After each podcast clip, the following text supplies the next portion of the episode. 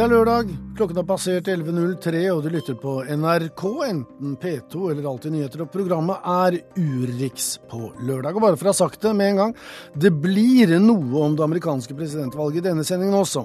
Nærmere bestemt om den første debatten mellom de to kandidatene. Den begynner om 64 timer. Men vi skal også høre om ytringsfriheten i Tyrkia, som er under stadig økende press. Det grønne skiftet er på kort tid blitt et mye brukt slagord, men havet er kommet for å bli. Det blå skiftet står nå på dagsorden. Og så Norge som fredsnasjon. I natt oppløste den mer enn 50 år gamle colombianske FARC-geriljaen seg selv. Det kan gå mot fred i den søramerikanske republikken, med Norge som fødselshjelper. Og mer norsk fred. Neste måned kommer en bok om en norsk fredsaktivist, Torolf Rafto. Og det blir korrespondentbrev, poststemplet Berlin.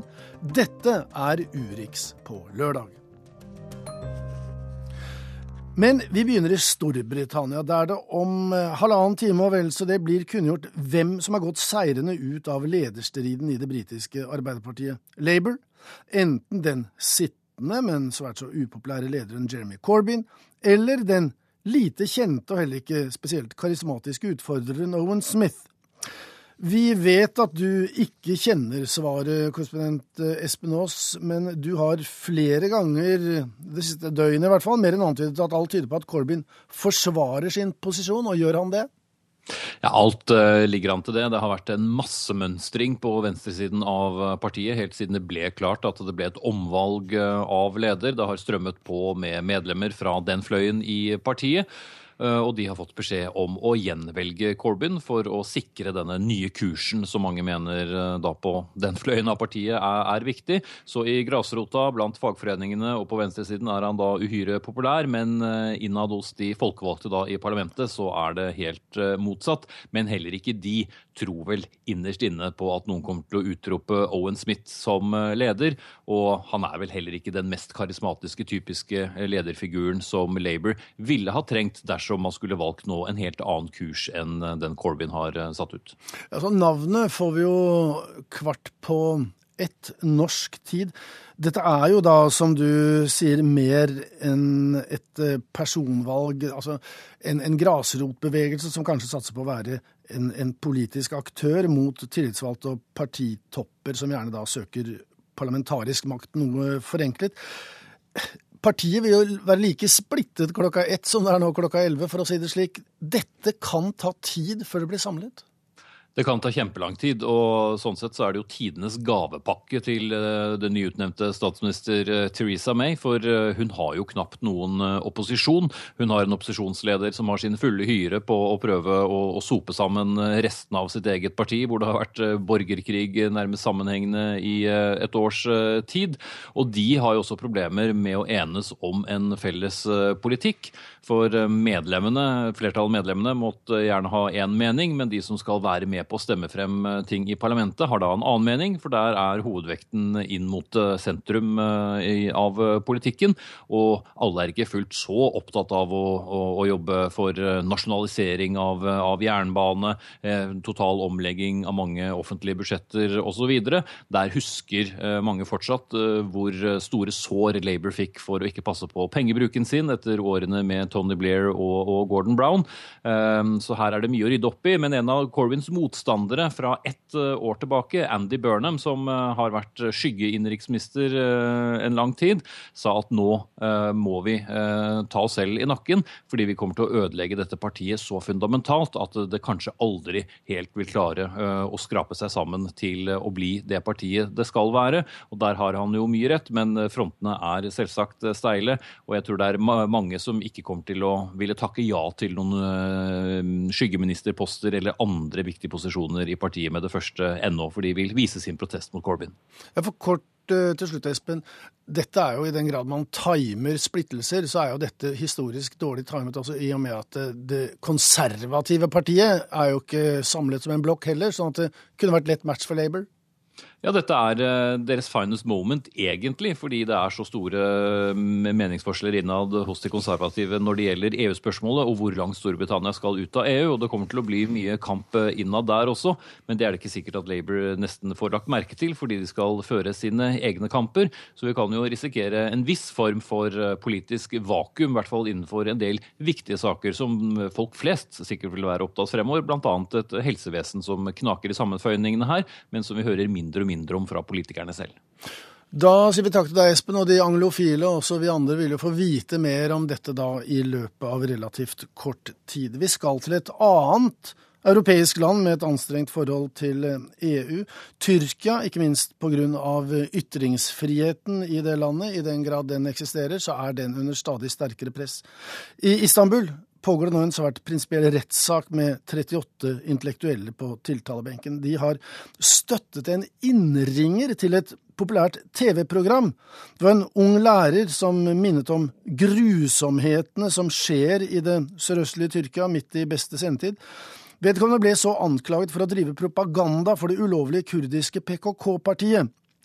Professorene, skribentene og menneskerettighetsaktivistene støttet henne, og slik blir det da rettssaker av i Tyrkia. Og vår korrespondent i Istanbul, Sissel Wold, hun tilbrakte gårsdagen i et rettslokale i storbyen ved Bosporos-stredet. Det hele begynte da læreren Aisha Celik ringte fra Diyarbakir og til et populært TV-show en fredagskveld i januar i år. Er dere klar over hva som foregår her i Sørøst-Tyrkia, spurte hun. Ufødte barn, mødre, folk blir drept her. Hun henvendte seg til programlederen. Som underholdningsartist og medmenneske burde du ikke være taus. Du burde si stopp. Ikke vær tause. Ikke la disse barna dø. Ikke la mødrene gråte mer. Ayşe Hanım, bir alkış alalım önce Ayşe Hanım'a.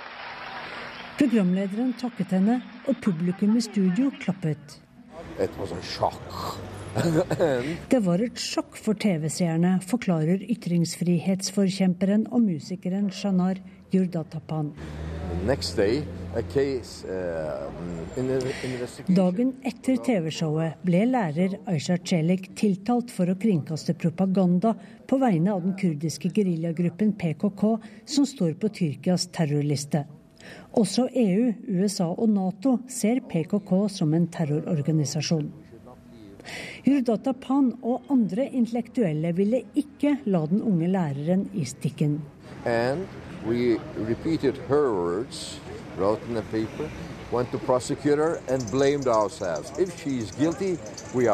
guilty. Vi gjentok det hun hadde sagt, og så meldte vi oss til påtalemyndighetene. For om hun er skyldig, da er vi medskyldige, og også kriminelle. Nå står han utenfor rettslokalet i Bakkerkøy i Istanbul sammen med de andre 38 medtiltalte. Sju av dem er jurister, resten er skribenter, leger, forretningsfolk, akademikere og en teaterdirektør. Whatever Aisha Chelik said was correct. I am a witness because I went to Det Aisha sa var riktig. Jeg har også vært sørøst i landet og sett kampene og ødeleggelsene, sier Aisha Erzan, fysiker og lærer. Det kan ikke være forbudt å ønske seg fred, kommenterer hun. Da er vi alle her kriminelle. Med ett beveger folkemassen seg inn i rettsbygningen, et enormt bygg i rosaaktig sten. Siden læreren og alle akademikerne skal på tiltalebenken, ledes vi inn i et rom som mest ligner en kinosal. På en scene sitter fire dommere i svarte kapper med røde krager. På hver side av dem henger lange vinrøde fløyelsgardiner som et sceneteppe. På raden foran oss sitter sju bevæpnede politifolk i skuddsikre vester. Den unge læreren som ringte inn til TV-showet, er kledd i svart drakt, hun har høye, svarte sko og langt kullsvart hår. Aktor mener at sympati med PKK er en del av saken og av ytringene, men forsvarerne protesterer på denne fremstillingen.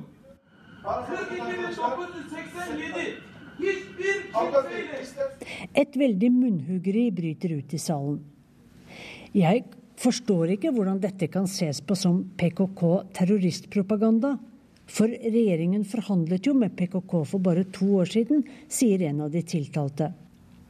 Forsvarerne kritiserer aktoratet for å tillegge læreren meninger om PKK som hun ikke har. Dere kan ikke bygge saken på alt hun ikke sa, slår forsvareren hennes fast. En kjent jusprofessor langer ut mot aktor og dommerne. Dere er redde for stillingene deres. Dere tør ikke gjøre annet enn det myndighetene gir dere beskjed om. Dette er en skam for jussen, konkluderer han. Hoveddommeren virker uinteressert. Kanskje han synes akademikerne er noen masete folk. Kanskje føler han seg utilpass. Det er ikke lett å vite. Er dette en kamp mellom president Erdogan og Tyrkias intellektuelle elite, spør jeg. Yes, mainly state. Uh, state's bosses change from time to time. Now big boss is Erdogan. But... Ja, men mer en kamp mot staten. For lederne skifter, men rettssystemet her har aldri vært upartisk. Det er det ikke nå, og var det ikke før heller, ifølge Shanar Yurdatapan. Sa Sissel Wold. Verdenshavene stiger. Det har for så vidt vært kjent lenge, men nå også på den internasjonale politiske dagsorden. Og ikke bare som krigsskueplass. Det blå skiftet er fremtiden om vi bare forvalter tre fjerdedeler av jordens overflate på en bærekraftig måte. Forrige uke holdt den amerikanske utenriksministeren sin store havkonferanse i Washington, og denne uken har det vært tema i FN samt på et symposium for politikere, forskere og næringslivsfolk i Ny-Ålesund. Vår reporter på Svalbard, Eivind Molde, har snakket med lederen for World Climate Research Program, som mener at det egentlige problemet, det er at vi egentlig vet veldig lite om havet. We have uh, been very good at taking the resources out of it and dumping our waste into it, but we don't pay attention to what goes on in the ocean. So we're, we're actually still quite blind to what goes on in the ocean. Vi har vært veldig flinke til å hente ut ressursene fra havet og til å dumpe avfallet vårt der. Men vi bryr oss ikke om hva som går føre seg i havet. Klar tale fra David Carlsen, sjef for World Climate Research Program.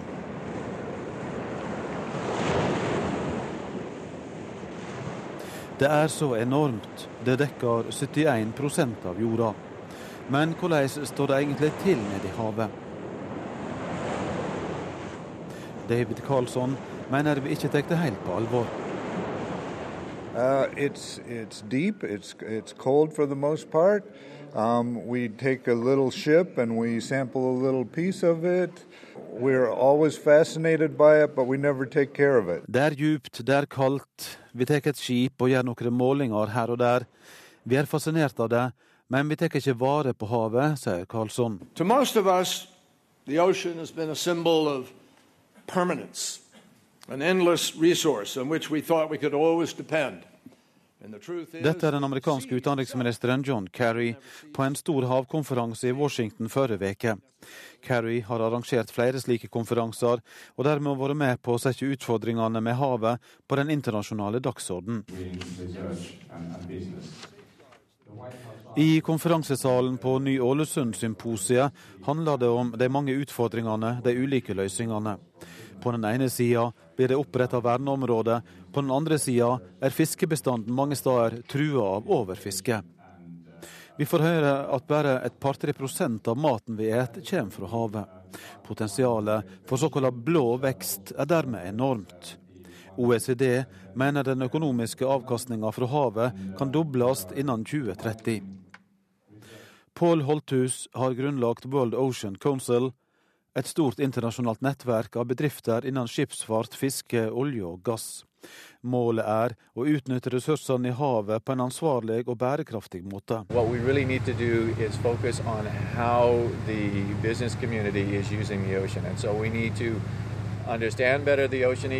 det vi må gjøre er å fokusere på hvordan industrien bruker havet.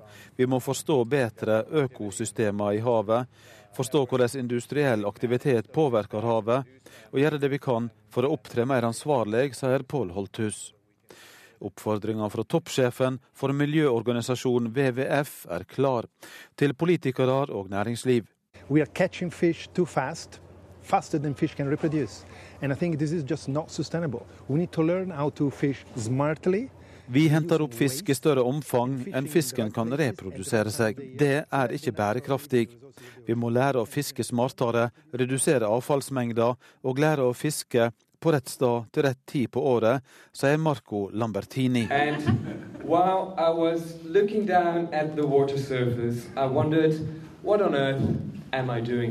Dette er 22 år gamle Bojan Slat.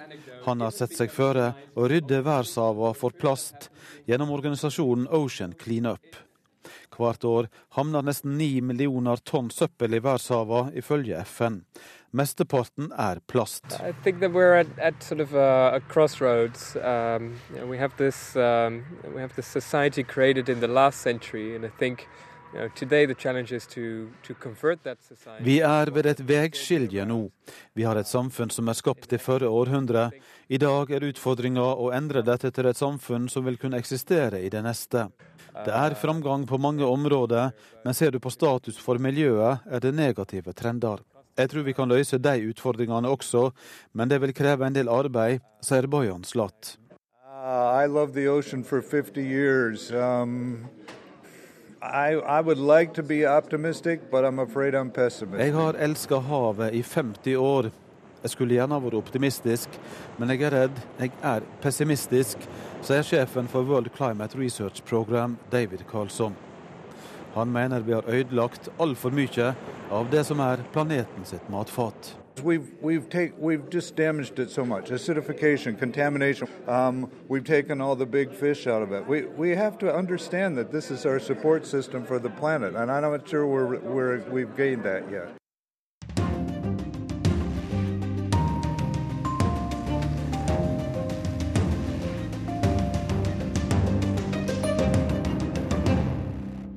Og nå det amerikanske presidentvalget, som riktignok fremdeles er 45 dager unna, men natt til tirsdag norsk tid skal de to kandidatene Donald Trump og Hillary Clinton møtes til debatt for første gang. Forventningene er skyhøye, som de gjerne heter, og for en gangs skyld så er ikke det en floskel. Enkelte, forstå seg på det, tror det kan bli det mest sette TV-programmet i amerikansk historie. I hvert fall den presidentdebatten med de høyeste seertallene. Hillary Clinton lacks the judgment. He is unqualified to be president. Hillary Clinton has evaded justice. He clearly has something to hide. CNNs trailer er klar og på lufta. Og det er de andre TV-selskapenes også. For sjelden har en debatt mellom to presidentkandidater fått så stor oppmerksomhet. Årsaken er naturligvis Donald Trump. Langt mer enn Hillary Clinton. Han har aldri før vært i duell med én kandidat. Hvordan vil det gå? Vil han framstå som en president eller som en entertainer? For en uke siden beskrev han seg selv som det siste på et valgmøte i Ohio. It is hot, and it's always hot when I perform because the crowds are so big. These rooms were not designed for this kind of a crowd. Det er alltid så varmt som dette når jeg opptrer, sa Trump. There are only three moments where voters can look at candidates from two major parties next to each other on stage. Professor Erik Schnur ved American University her i Washington, som Reuters har snakket med, mener debatten på mandag ikke vil være helt som tidligere varianter. This debate coming up on Monday is um, it's a different animal. Right? It's not necessarily a test on who has better ideas, who knows the issues better, who has more experience. Uh, in a way, you can wipe a lot of that off the table, and it's a test of who's more cool, calm, and collected. Den vil ikke først og fremst handle om hvem som vet mer, har gode ideer og mest erfaring. Den handler om hvem som er rolig og kontrollert, mener han. Foran debatten er mange her i USA svært opptatt av om debattleder Lester Holt fra NBC vil klare å gå i rette med Trump og Clinton dersom de sier noe som ikke er helt korrekt. Og var med Hillary Clinton? Hun har mistet den store ledelsen hun hadde på meningsmålingene. Ikke minst pga. det hun blir beskyldt for i dette klippet fra en debatt mot Barack Obama i 2008. Like Barack Obama Well, that hurts my feelings. I'm sorry, Senator. I'm sorry. But I'll try to go on. He's very likable. I, I, I agree with that. I don't think I'm that bad. Uh, Uh, you're likable enough. thank you so much. Clinton er ikke særlig likende, for å si det på godt norsk. Kan hun gjøre noe med det natt til tirsdag? Hvor mye bør hun smile? Hvilket stemmeleie bør hun legge seg på? Og hva skal hun ha på seg? Slike spørsmål diskuterer mannlige demokrater jeg kjenner nå om dagen. Republikanerne derimot lurer på om Trump virkelig bør stille opp i alle de tre debattene som står i kalenderen. Yeah, I think it'll be the highest rated. I mean, if you believe all the hype, I think a lot of people will tune in. En av dem er Clyde Sleaze, advokat i en liten by utenfor Pittsburgh, som du snart, om du følger med på Urix på TV og på nett fram mot valget, vil bli bedre kjent med. But I think if Trump waxes her, if I was his advisor, I'd tell him, why do any more debates? It's clear you beat her, and that's it. Hvis han knuser Hillary i denne første debatten, ja, da ville jeg gitt Trump det klare rådet å droppe resten av dem, sier Clyde Sleaze.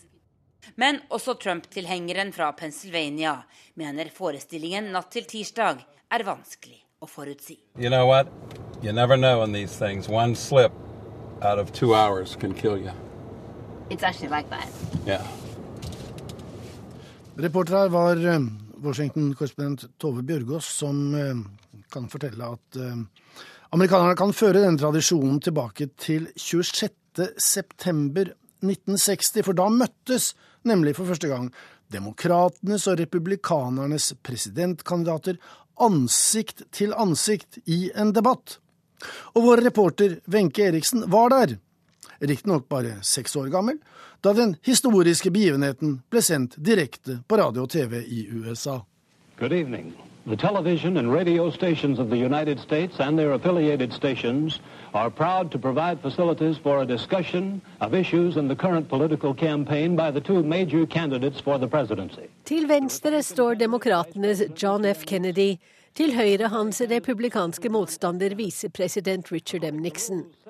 Visepresidenten regnes som en bedre debattant og den med mest politisk erfaring og kunnskap. Men TV-lysene er ikke nådige mot ham. Han svetter. Mye. Hudfargen er grå, og ettermiddagsskjegget gir ham et skurkaktig preg. Senator John F. Kennedy derimot, han stråler for TV-kameraene. Velkledd, kjekk og ungdommelig. Han har skjønt TV-mediets slagkraft. I think Mr. Nixon is an effective leader of his party. I hope he would grant me the same. Mr. Nixon, would you like to comment on that statement? I have no comment.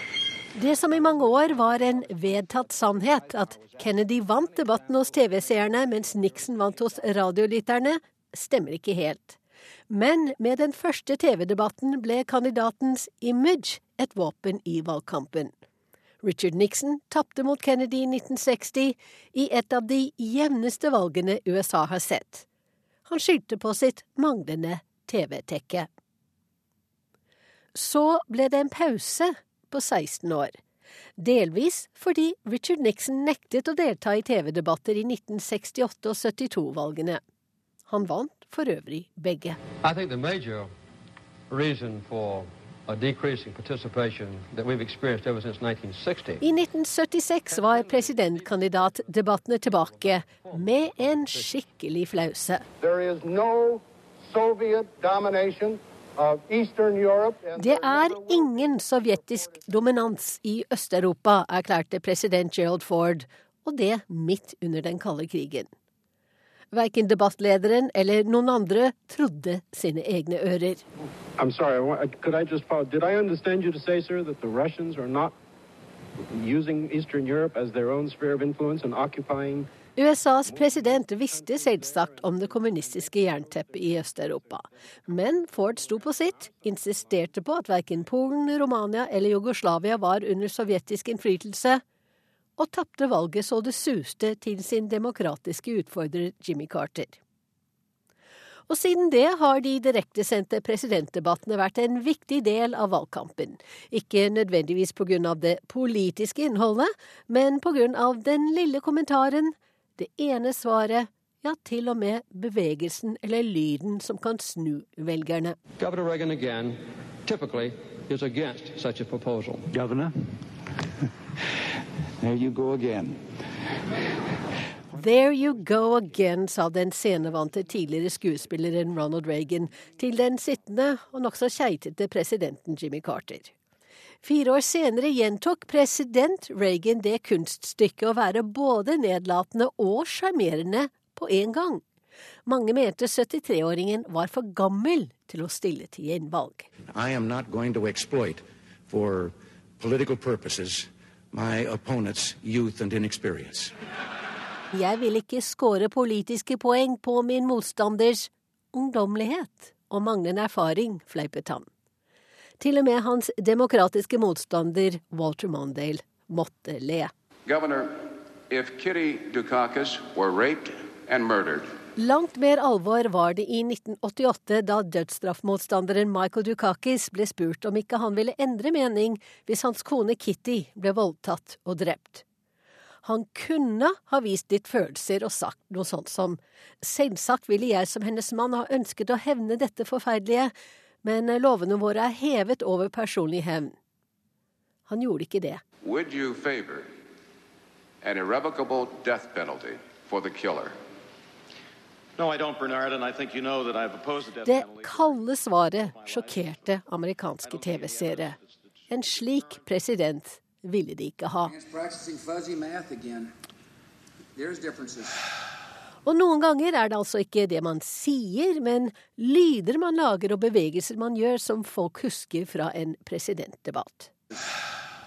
Visepresident Al Gores gjentatte sukk mens George W. Bush hadde ordet i 2000-valget, for eksempel. I beste alfahann-stil forsøkte Gore også å vippe Bush av pinnen ved å stille seg tett inntil ham og stirre. Bush kikket så vidt på ham, nikket og fortsatte ufortrødent videre. That's what the question in this campaign is about. It's not only what's your philosophy and what's your position on issues, but can you get things done?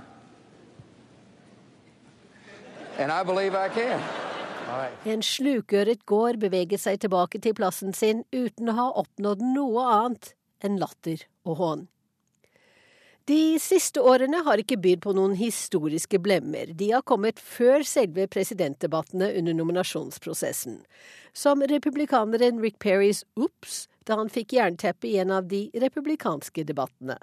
Og Barack Obamas nedlatende du er likende nok, Hillary, da de to kjempet om å bli demokratenes presidentkandidat i 2008. Men man kan vel ikke utelukke noen ting denne gangen, når Donald Trump og Hillary Clinton møter hverandre til debatt. Det er jo noe som ikke kan utelukkes. Det er at innvandring f.eks. nok blir et tema i debatten. Donald Trump har foreslått at det bygges en mur mot Mexico, der mange krysser grensen mellom de to land uten de nødvendige dokumenter, og dermed så oppholder de seg da ulovlig i USA. Gro Holm har besøkt Arizona og snakket med både innvandrere, illegale sådanne og de fastboende. En godt voksen hvit mann på firehjuling viser vei mot den meksikanske grensa. I snart 14 år har Glenn Spencer ledet American Border Patrol, som er et privat borgervern. And I'm supporting Trump because I think he's serious about securing the border. This is not a problem. I mean, if we can find a microbe under a rock Jeg støtter Trump fordi han vil sikre grensa. Det er egentlig ikke noe stort problem. Hvis vi kan finne en mikrobe under en stein på Mars, så kan vi vel finne folk som krysser vår grense, sier Glenn. Selv investerte han for noen år siden 75 000 dollar, over 600 000 kroner, i videoovervåkingsutstyr for å filme de ulovlige innvandrerne. It was the Wild West. People were coming from every direction, Det var Ville Vesten, sier Glenn, der vi står på en smal grusvei med masse trær og høyt gras på begge sider, og fjell i det fjerne. Folk kom fra alle kanter, de løp mot fjellene, over vår eiendom. Vi la ut bildene vi tok på internett, og det bidro til at staten bygde grensegjerde, mener Glenn. Gjerdet er rundt fire meter høyt noen steder, men andre steder er det bare litt over meteren. Folk kan altså fortsatt ta seg over, men ikke biler med narkotika. De slipper ikke igjennom. So, do you mean the immigrants are doing damage to American society? Oh, I don't think there's any doubt about it because there's so way? there's so many there's so many that they bring their culture and they keep it here and their language and their attitude toward education. Glenn mener at den kulturen de meksikanske innvandrerne tar med seg, og for en stor del beholder, er til skade for det amerikanske samfunnet, bl.a. fordi de tar utdanning mindre alvorlig. Det gjelder i alle fall ikke meksikanske Maria. How did you get here? I just crossed the border. Walk. You walked? Yeah. Alone? Uh, yeah. Jeg krysset bare grensen alene, forteller Maria Sanchez. Det var i 1995. Så møtte hun en annen ulovlig innvandrer, Moises, og de fikk fire barn. I 2010 orket de ikke mer. En ny lov ga politiet rett til å stoppe alle for å sjekke papirene, selv uten begrunnet mistanke. Det ble straffbart for arbeidsgivere å bruke ulovlige innvandrere. Og dessuten gjorde finanskrisen livet vanskeligere for dem som allerede befant seg nær bunnen. He lost his job. We have no money. We lost the house, and uh, and we that's why we back to Mexico. Mannen mistet jobben, vi mistet huset, og vi hadde ingen penger. Derfor dro vi tilbake til Mexico, forteller Maria der vi treffes på en kveldsskole for ulovlige innvandrere i delstatshovedstaden Phoenix. Men i januar i år kom de tilbake. Fordi barna var født i USA, er de amerikanske statsborgere. Og eldstedattera var sendt tilbake hit for å studere. Så fikk hun svulst på hjernen, og familien fikk visum på humanitært grunnlag for å besøke henne. Det visumet er for lengst utløpt, men de blir. I know it's not right, but um, because of them, I do it. I I really want to do it because I know there's a for them here. Jeg vet at det er galt, sier hun. Men USA har de beste sykehusene og de beste skolene. Hun blir av hensyn til barna. It is not a sin to sacrifice and to work hard to protect and provide for your family. Det er ingen synd å arbeide hardt for å beskytte sin familie, sier Petra Falken. Hun grunnla organisasjonen Promise Arizona for å kjempe mot den nye, strenge loven mot ulovlig innvandring i 2010. Petras kontor er fullt av kors og Jomfru Maria-figurer. Hun er i 60-årene og er mater familias for de mange aktivistene som jobber med å gi råd, engelskundervisning og materiell støtte til udokumenterte innvandrere, som hun kaller dem.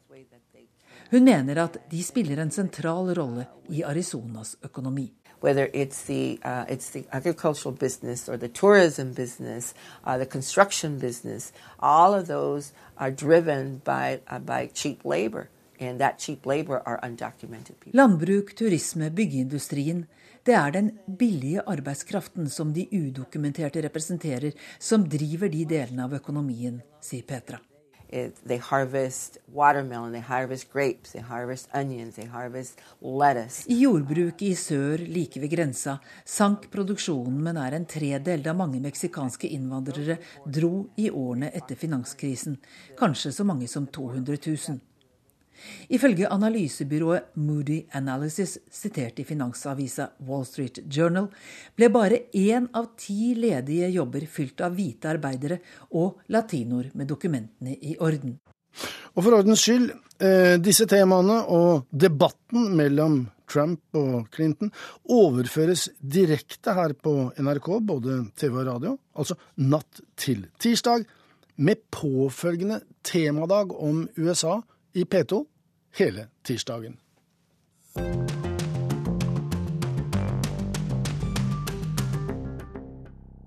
Da Colombia, der borgerkrigen formelt ble slutt i natt etter at FARC-geriljaen vedtok å oppløse seg selv, levere inn sine våpen og omforme den 50 år gamle geriljabevegelsen til et politisk parti i løpet av et drøyt halvår.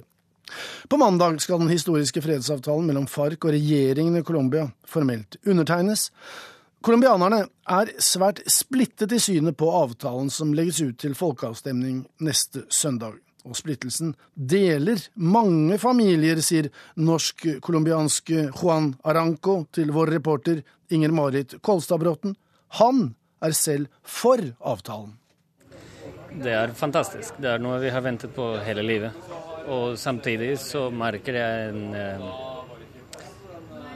slags skeptisisme. Altså, er dette mulig? Kommer det til å skje? Kommer, er det ekte? Litt som drømmaktig. Ja, det er en drøm for mange colombianere som nå kan gå i oppfyllelse. Over 50 år med krig mellom FARC-geriljaen og regjeringa kan være slutt. Store deler av befolkningen har aldri opplevd fred.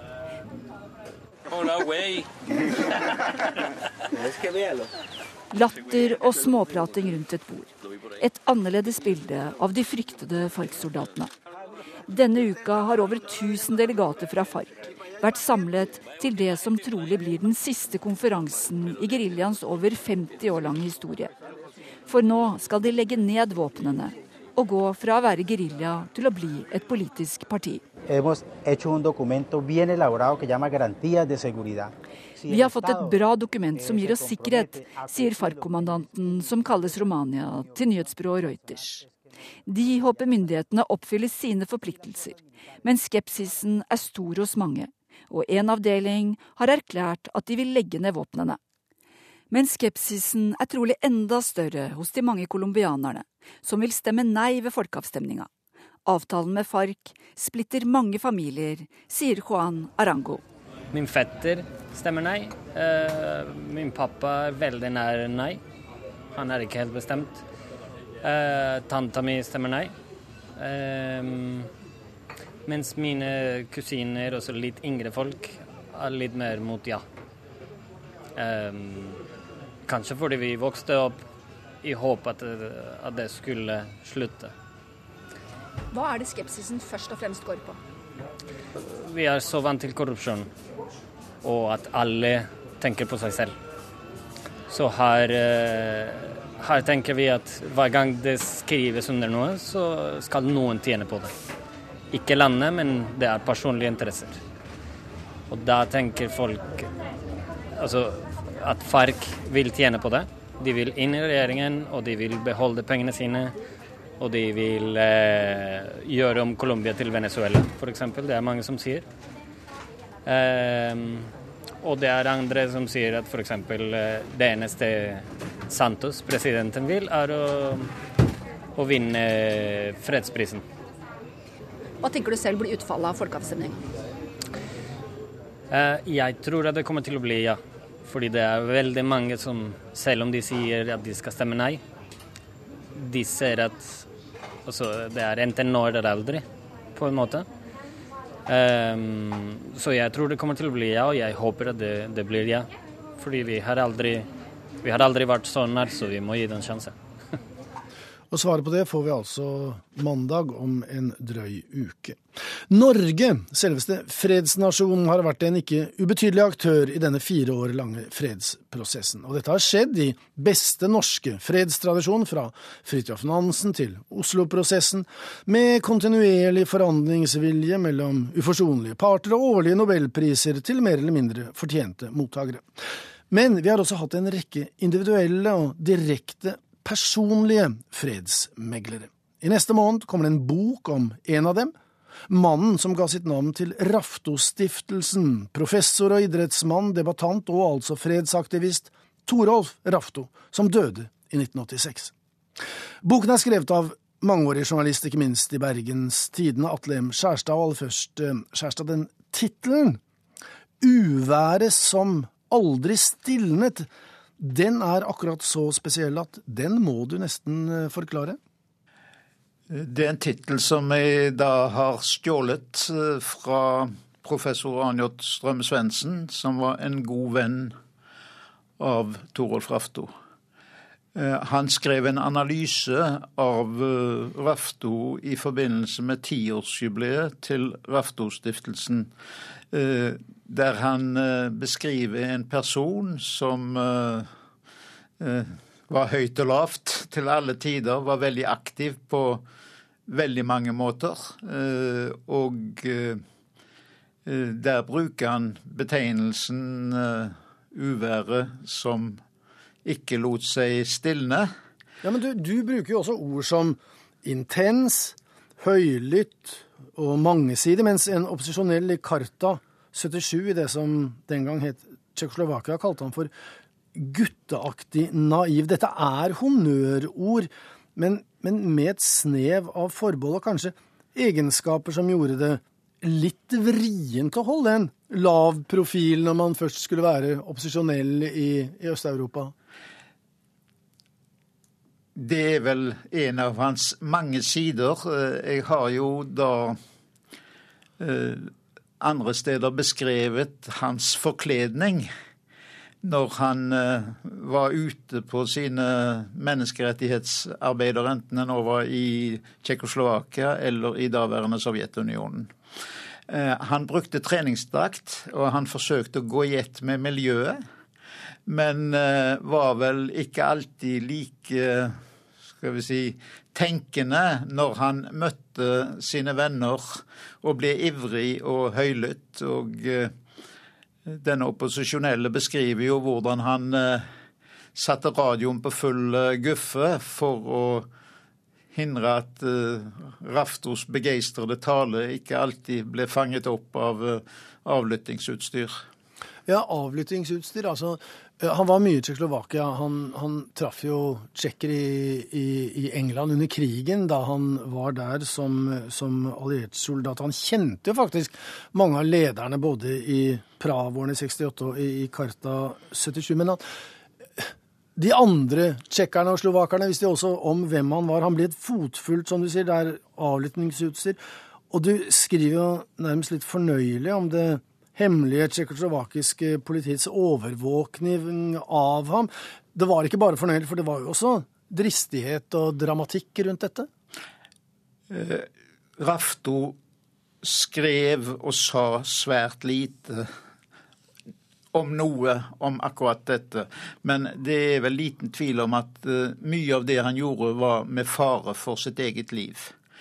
Uh, og uh, uten at det er 100% bekreftet, så ble han vel rundhjult eh, av det tsjekkiske eh, sikkerhetspolitiet eh, da han ble arrestert i september 79.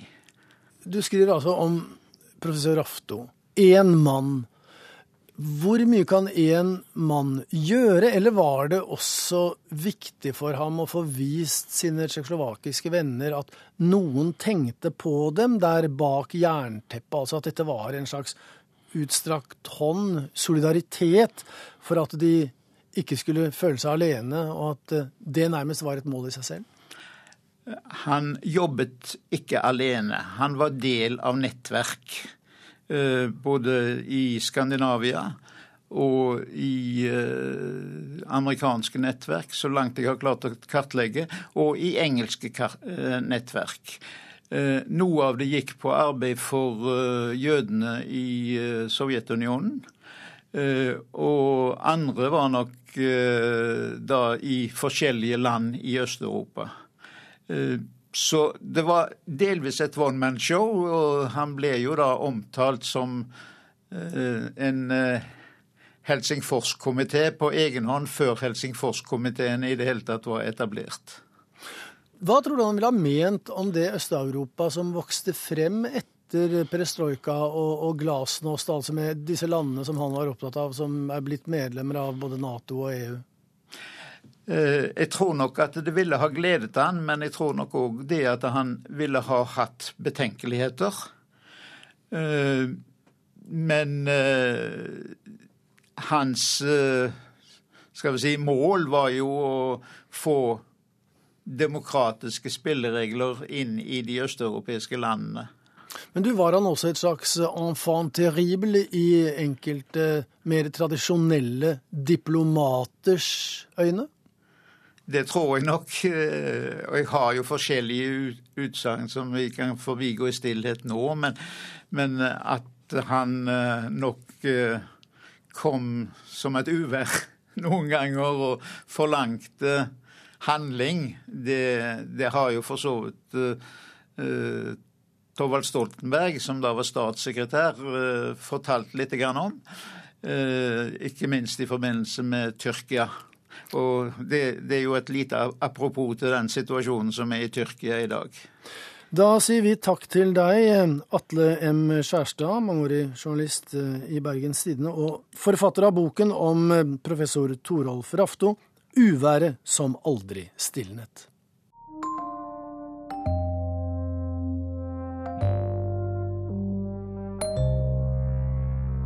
Ukas korrespondentbrev er postlagt av Guri Nordstrøm i Berlin. Og vær nå forberedt på en historie som er helt på tvers av alt du en gang måtte ha trodd om det typiske tyske når det gjelder orden, punktlighet og effektivitet. Jeg trodde vi hadde kommet helt feil.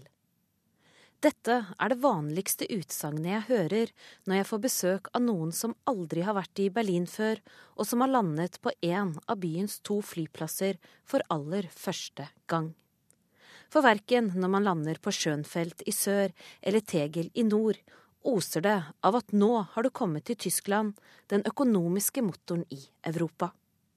Derimot er det to nedslitte, kaotiske og altfor små flyplasser i forhold til trafikken som hilser deg velkommen til den tyske hovedstaden. Og det er svært lite som minner om Ordnung muss sein. Schönfeld ble bygd i 1946 og var tidligere hovedflyplassen i DDR og den eneste flyplassen som betjente Øst-Berlin. Nå, 70 år etterpå, er det årlig hele 8,5 millioner passasjerer innom, noe som fører til innsjekkings- og sikkerhetskontrollkøer som ofte strekker seg langt utenfor bygningene. Tegel ble bygd i 1948 og utvidet i 1974 for å kunne ta imot 2,5 millioner passasjerer i året. Det er bare det at nå er det 2016, og allerede for to år siden hadde passasjertallet her økt til 21 millioner i året. Det er ikke rart det blir fullt kaos. Jeg skal innrømme at i begynnelsen da jeg bodde her, så syntes jeg det faktisk var litt sjarmerende med disse flyplassene. Et sus fra en svunnen tid da det å vifte med en flybillett var langt fra noe hvermannsen kunne gjøre, og den litt nostalgiske følelsen av å gå inn i en tidsmaskin hver gang man skulle ut og reise. Likevel, det er med dette som med alt annet her i livet. I møte med hverdagen er ikke bare sjarm nok. Sjarm er søtt lørdag kveld, men mandag morgen må det mer til. For når alt kommer til alt, er det jo hverdager det er flest av. Og i jobben som korrespondent er det flest av disse hektiske hverdagene jeg skal få til å gå i hop på disse to flyplassene, som nærmest har blitt mine andre hjem her i Berlin. Når man har blitt ringt opp fra Marienlyst for å rykke til et sted der det er breaking news, er det ikke bare pakking, bestilling av fly og hotell pluss taxi til flyplassen i rekordfart som skal fikses. Man skal også komme seg gjennom flyplassen, og det er ofte den aller største prøvelsen. Med hjertet i halsen skal enorme køer passeres. Forvirrede turister, forbannede fastboende og stressede ansatte som etter beste evne forsøker å få en oversikt over hvem det haster aller mest for.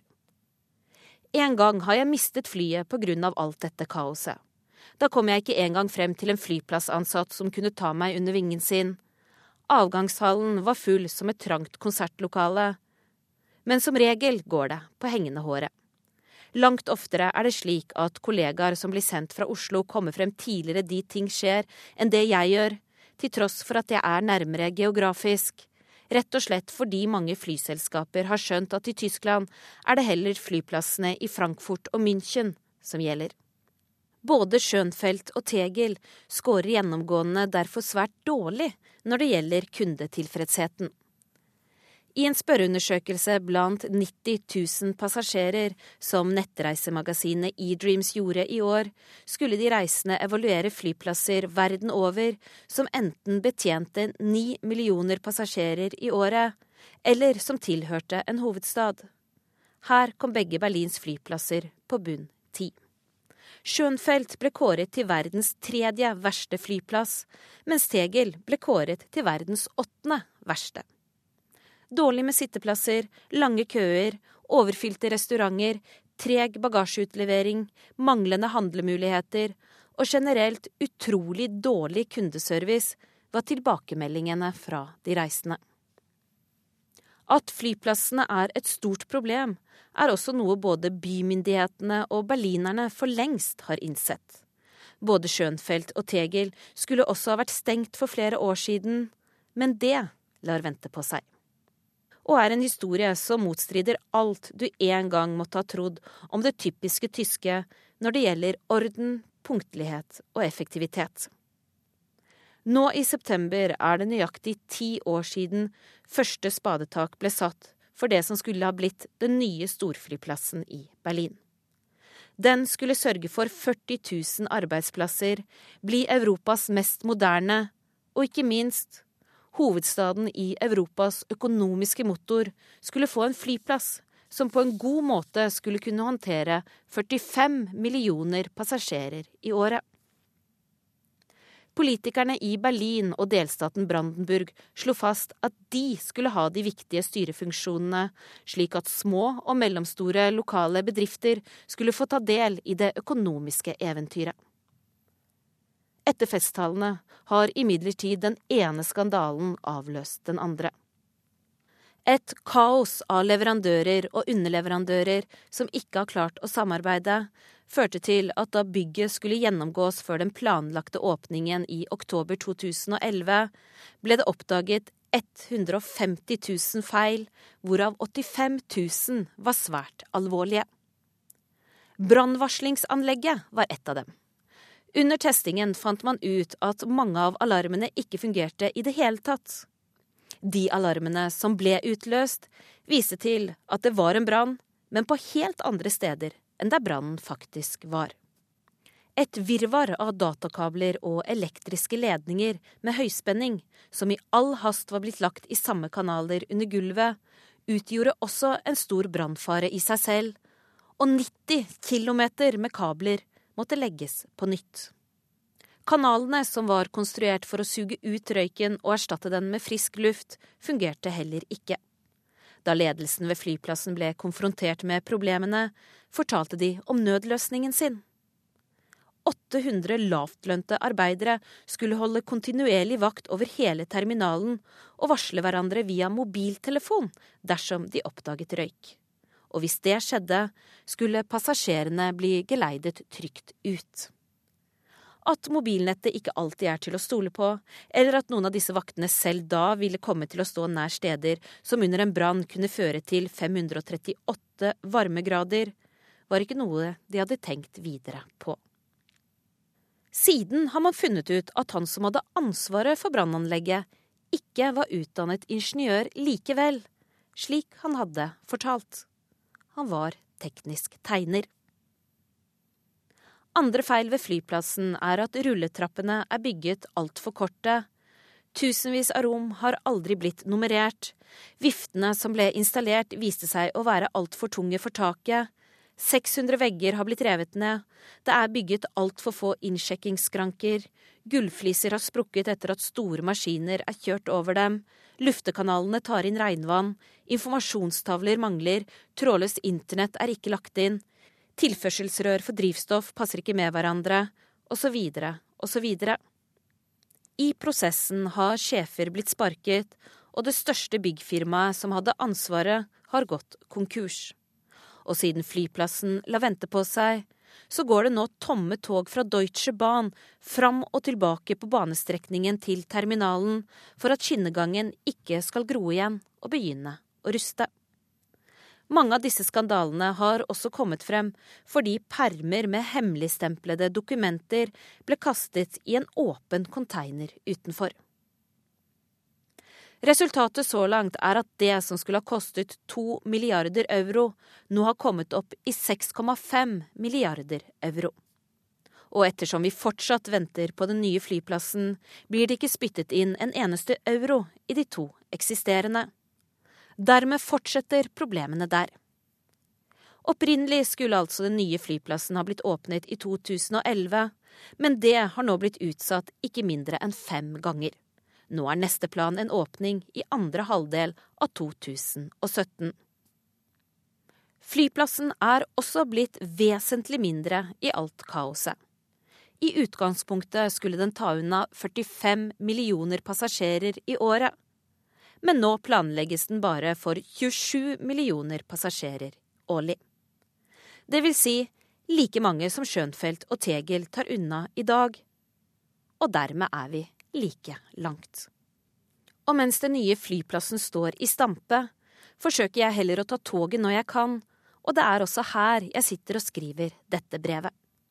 For i 230 km i timen fra Berlin til Hamburg er det ingen tvil om at jeg likevel er midt i Europas økonomiske motor sa Guri Nordstrøm. Og da er vi ved veis ende, og vi, som minner om reprisen i ettermiddag, om podkastmuligheter og Urix-stoff på nrk.no, det er Vegard Tidslevold som var teknisk ansvarlig. Produsenten heter Ulf Tannes Fjell.